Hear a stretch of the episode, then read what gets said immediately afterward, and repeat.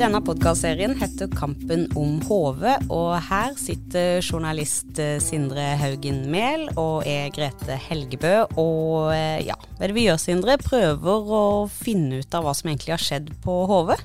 Hva har skjedd, og hva skjer, og hva kommer til å skje? Eh, gi oss sjøl en litt bedre forståelse av eh, prosessene bak, eh, og prøve å informere de som er interessert i det. Og kanskje det kan være med på å dempe konfliktnivået, som, eh, som det viser seg ut fra det vi finner ut av her i podkasten, at det er, det er ikke bare bare å, å, stå i det her fra noen av partene. Nei, nei, altså er det krig der ute, som mange mener, eller er det ikke krig der ute? Og hvorfor mener noen at det er krig, mens andre ikke er med i den eh, krigen? Det er jo det vi prøver å komme til bunns i. Men eh, i dag så skal vi egentlig hoppe litt eh, tilbake i tid. Ja, Før vi går videre mm, i, i, fortellingen vår, så er vi nødt til å ta en, et lite dypdykk i kronologien og historikken rundt det som har skjedd på HV. Mm. Vi skal rett og slett ha en liten historietime, og her er det viktig å følge med på alle detaljene, fordi det blir quiz til slutt. Har du premie òg, eller? Eh, det, det, er mulig. Vi får se. Ja, For det verserer som kjent eh, en del påstander om avtalt spill, eh, bevisst hemmelighold rundt prosessene, og slike ting er det faktisk ikke så lett å bevise alltid. Eh, men det er en del ting eh, som er mulig å slå fast. Og det fins i dokumenter, arkiv og postjournaler. Og der er det mye informasjon om HV å hente. Ja, men HV er jo mye mer enn det vi finner i dokumenter og postjournaler. Det er jo masse både moderne og gammel historie. Eh, når du går der ute, så kan du plutselig gå opp på en vikinggrav. Eh, hvis du går deg en tur i selve leiren, så kan du være ganske sikker på at en nazist har gått der før deg. Og noen år etter nazistene så marsjerte kommunistungdom på HV. Og hvis vi hopper fram til moderne tid, så er det jo ikke bare konflikt på HV. Altså Slipknot fikk mange tusen ungdommer til å sitte på huk der ute en gang i 2009.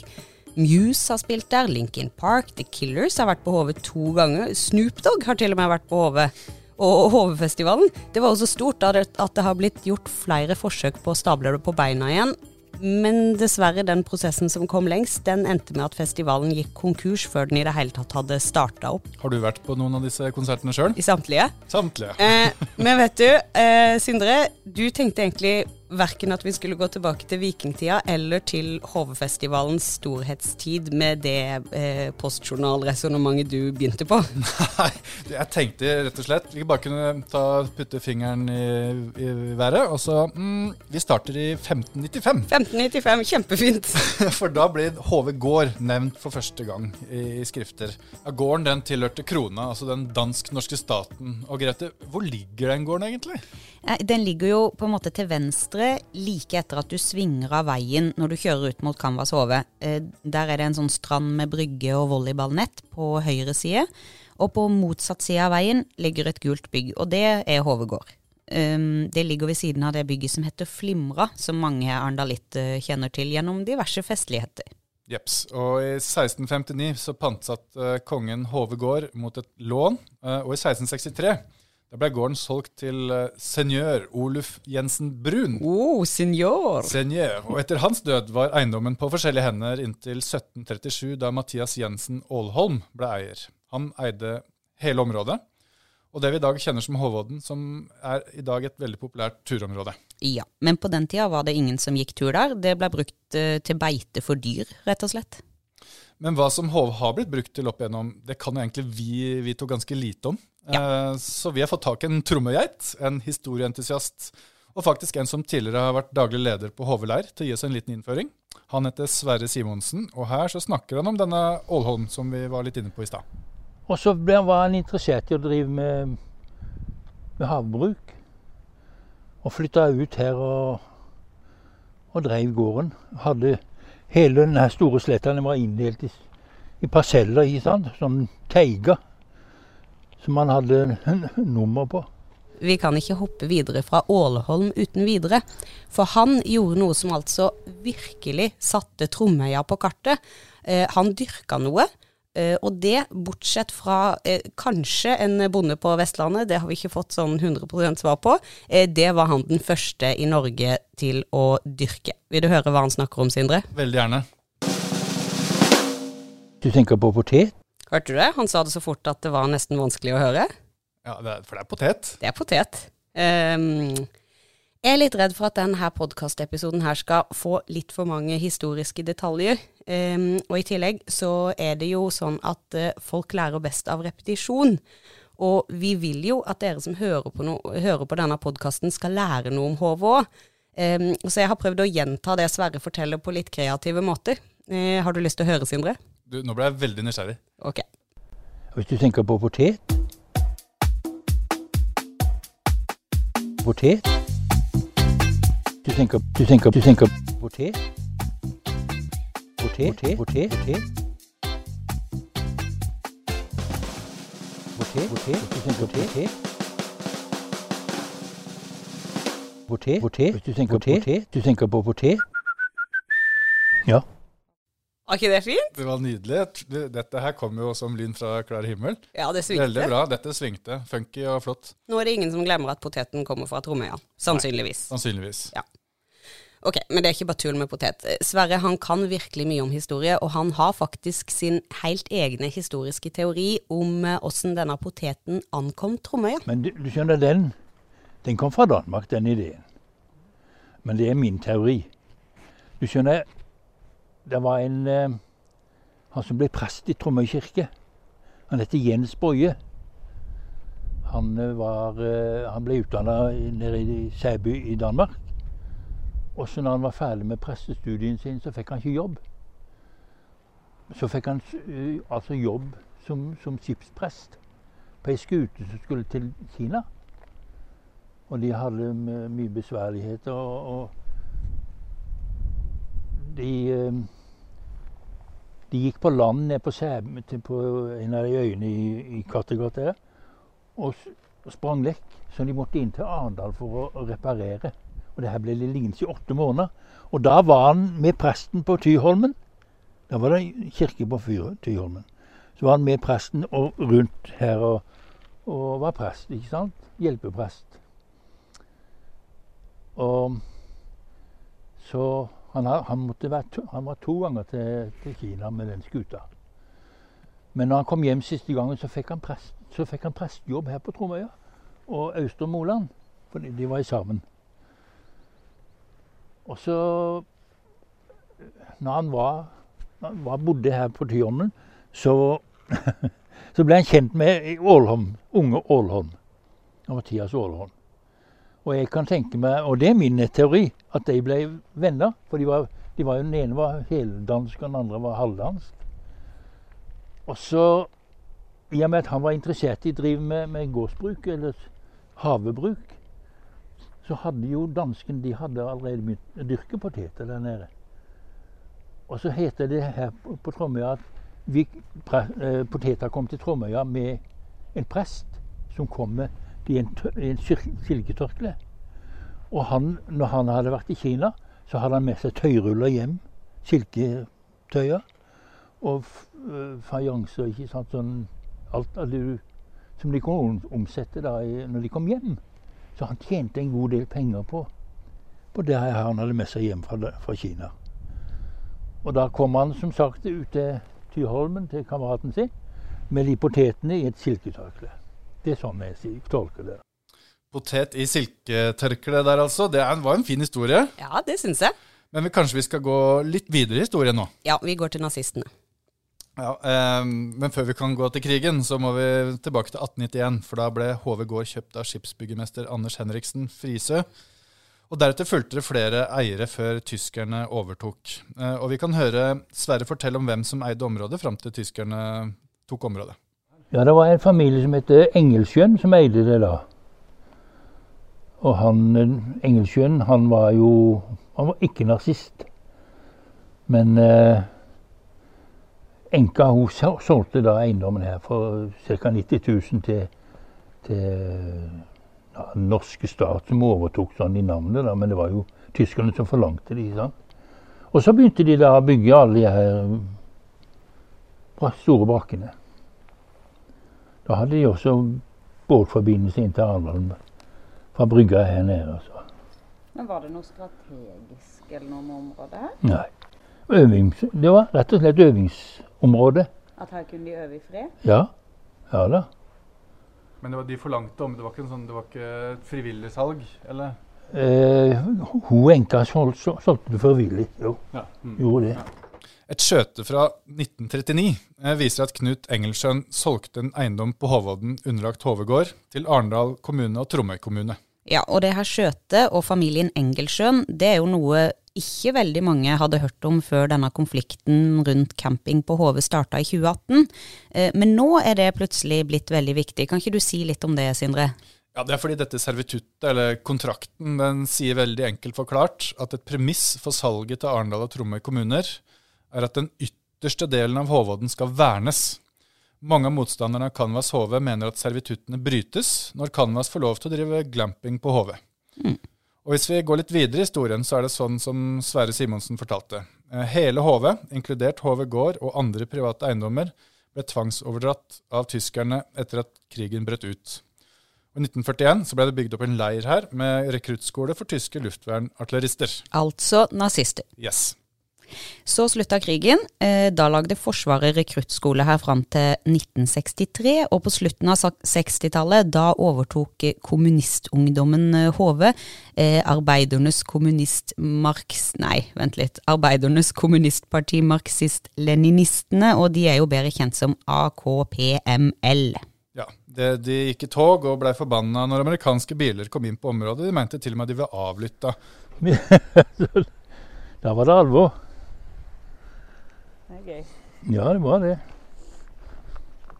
Og så hadde de Vi hadde et lager der oppe med forskjellig utstyr som vi trengte, og da Da var det fullt av De lå i, i telt rundt hele her, ikke sant? der oppe og her nede. Og så var det den der bygget der, da, vet du. Det var Det lå midt inne i deres teltleir. Og så lurte de på om det ikke var amerikanske lyttere der oppe i det huset. I det der strømhuset? Ja, Du ser det taket akkurat der oppe. Ja, der, ja. Hva Ja, det, det ville de gjerne se. Nei, så sa han Det var så tidlig som at det var før jeg ble leder her ute, da. Så sier Christensen nei, det får dere ikke lov til å komme inn i. Og det, det var Det syntes jeg var litt synd. De skulle ha greie på hvem som styrte med det huset der. Og dette var KPML? Ja. Marxist-leninistene. Lensmannen på Tromøya, han het Bakkegård, han provoserte de veldig en gang. Da hadde de vakt oppe i porten. Vi hadde stor port der øverst der oppe. Så kom han da med en amerikansk svær amerikansk bil han hadde fått låne. Og så skulle han inn. Og da ble det baluba, vet du. Du og du.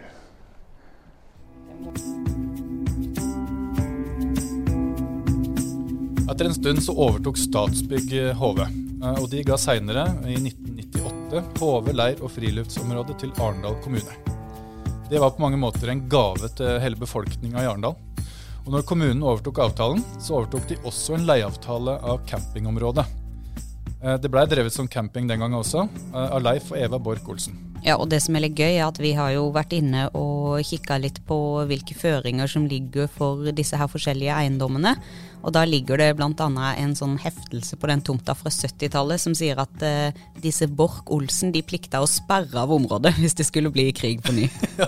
Eller hvis det som fare for krig. Ja, fare for krig. Men nå har vi hoppa over noe viktig i HVs historie igjen. Har vi det? Er det noe jeg eh, ikke har fått med meg? Ja, dette finner du ikke i dokumentene og postjournalene.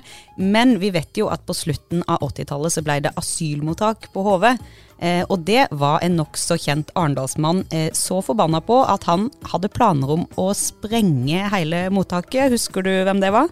Det må være godeste Arne Myrdal. Oh yes. Ehm, tenk på det, da. Store deler av HV kunne blitt sprengt. Og Myrdal han hadde med seg fem kilo dynamitt. Og han blei dømt til fengsel i ett år for dette her. Og eh, en liten fun fact her er jo at Nils Johannes Nilsen, som i dag er styreleder i HV drifts- og utviklingsselskap, han var den første daglige lederen på det asylmottaket. Ja, det visste jeg ikke. Nei. Men vi må videre. I juni 2002 da ble HV drifts- og utviklingsselskap HDU eh, oppretta. Det er et aksjeselskap som kommunen eier sjøl, og de skulle drifte dette verdifulle området for kommunen.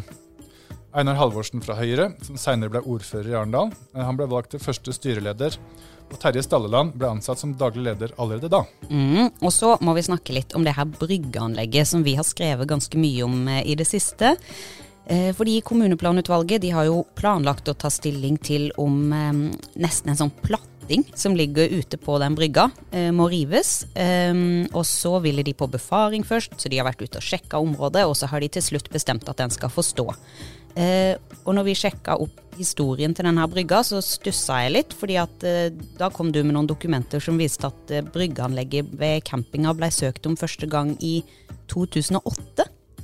Ja, Dokumentene sier at det ble søkt om første gang i, eller kom opp i 2005, men Fylkesmannens miljøvernavdeling sa nei. Eh, Søknaden måtte også behandles etter plan- og byggingsloven, og kommuneplanutvalget i Arendal påla da HDU å søke ettergodkjenning. Eh, Den søknaden om ettergodkjenning kom opp i 2011 først, eh, men da sa politikerne nei. Brygga ble likevel stående, eh, og i 2020 ble det gjenoppdaga at brygga ikke var godkjent etter plan- og byggingsloven. Eh, Da hadde Nasjonalparkstyret gitt tillatelse til en oppgradering av bryggeanlegget. Ja, så det vi, den politiske prosessen vi har sett nå i høst, den er egentlig etterspill av en veldig lang eh, historie. Altså bare på den ene brygga, det viser jo hvor mye som ligger på hele hodet. Eh, men nå er det slått fast en gang for alle at det som eh, nesten minner om en sånn platting midt ute der, og det som ligger der, det skal få være der. Eh, og så tenker jeg at mange som hører på nå, de stusser sikkert litt på dette med at eh, brygga ble bygga første gang i, i 2005 eller 2008. Jeg har i hvert fall eh, gått inn den brygga for å kjøpe is mange ganger på 90-tallet. Og eh, leder i kommuneplanutvalget, Millie Grundesen, hun fortalte meg at eh, hun var der allerede på 50-tallet. Og da lurte vi litt på hva er det egentlig som har eh, skjedd her. Når kom egentlig den brygga? Og hennes forklaring eh, på det Eh, Det var litt sånn at ja, men før i tida så bare satte man opp brygger, og så var det sånn. Så det, det fins ikke noe offisiell dokumentasjon på det her. Men, men hun var der altså allerede når hun var ca. tre år midt på 50-tallet, så hun har i hvert fall stått der lenge. Ja, Da var det ikke så farlig med søknader og sånn. Nei, vi drev ikke med det. Nei.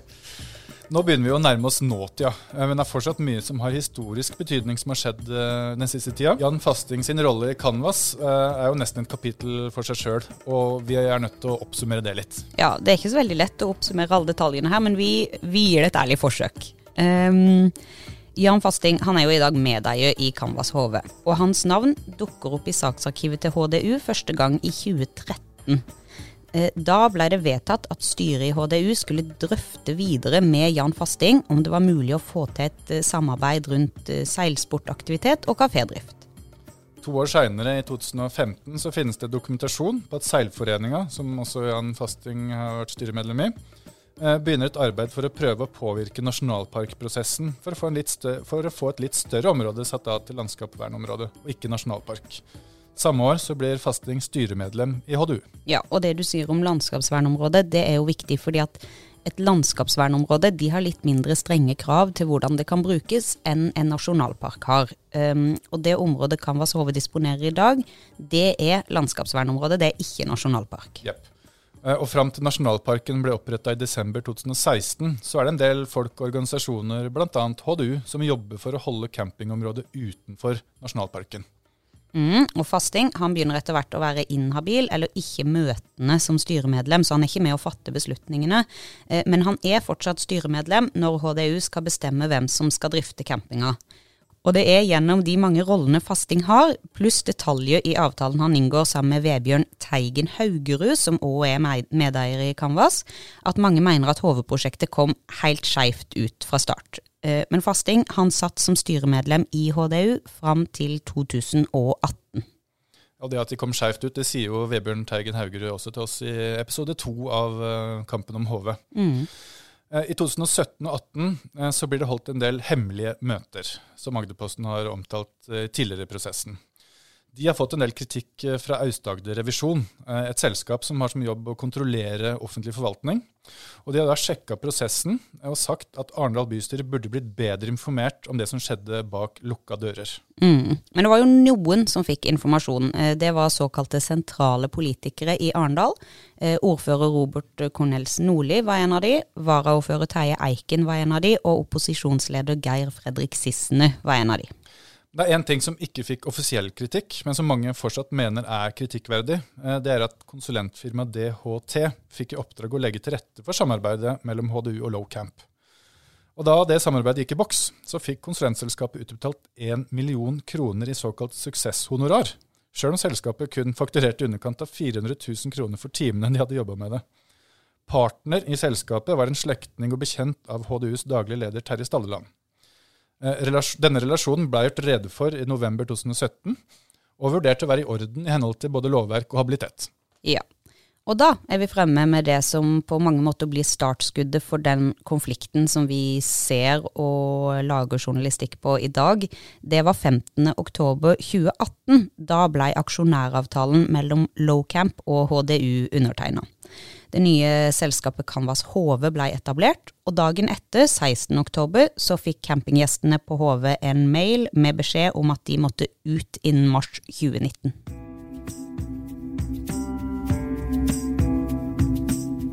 Ok, det var en lang gjennomgang, men det er jo litt viktig òg at vi har med oss historien når vi skal prøve å skjønne denne konflikten som pågår eh, rundt HV. Eh, har du lært noe av det vi har jobbet med i det siste? Eh, masse. Masse. Men det er jo noe som er veldig viktig metode for å lære mer. Vet du hva det er? Du tenker på repetisjon? Oh yes, Og vet du hvordan det er mulig å gjøre repetisjon morsomt? Ja, nå tenker du på quiz. Det gjør jeg, vet du. um, ja, nå skal ikke jeg bli altfor personlig her, Sindre, men du har jo en lidenskapelig hobby ved siden av journalistyrket. Hva er det du driver med når du ikke er her? Ja, Det hender i lystig lag at jeg er quizmaster på en kafé i Lillesand. Jeg syns det er veldig gøy å både delta på quiz og stille spørsmålene. Da er det jo ingen som er bedre skikka enn du til å ta denne oppgaven her, for vi har bestemt oss for at vi skal oppdrive Terje Eiken. Han har jo tidligere vært med i styret i HDU, og um, dessuten er han jo varaordfører, så han bør jo vite en del om HV-konflikten. Og vi har forberedt noen spørsmål, vi, som vi skal sjekke om han kan svare på. Da har vi også vært så heldige å fått med oss varaordfører Terje Eiken eh, som quizdeltaker. Du har jo også vært med i HDU-styret, så regner jeg med at du kjenner godt til HV eh, og historikken.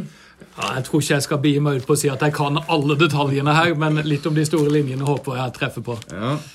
Ok, Vi begynner med første spørsmål. Eh, noe man kan bruke for å lage gull, blei dyrka på HV. Kanskje som første sted i Norge. Hva tenker jeg på da? Da tenker du på potet. Det er helt riktig. Hvilket dødelig band har spilt to ganger på HV-festivalen? Har ikke peiling. The Killers. Har du hørt om det? Nei. Nei. Eh, hvem var det som hadde tilholdssted på HV under krigen? Det var tyskerne fra 1941. Det er helt korrekt. Hvor mye betalte Arendal kommune for HV? Pass. Det var gratis. Det var en gave fra staten. um, siste spørsmålet. Hvem var de første til å drive camping på HV? Det var et veldig godt eh, spørsmål. Eh, jeg tror kanskje det var Josefsen.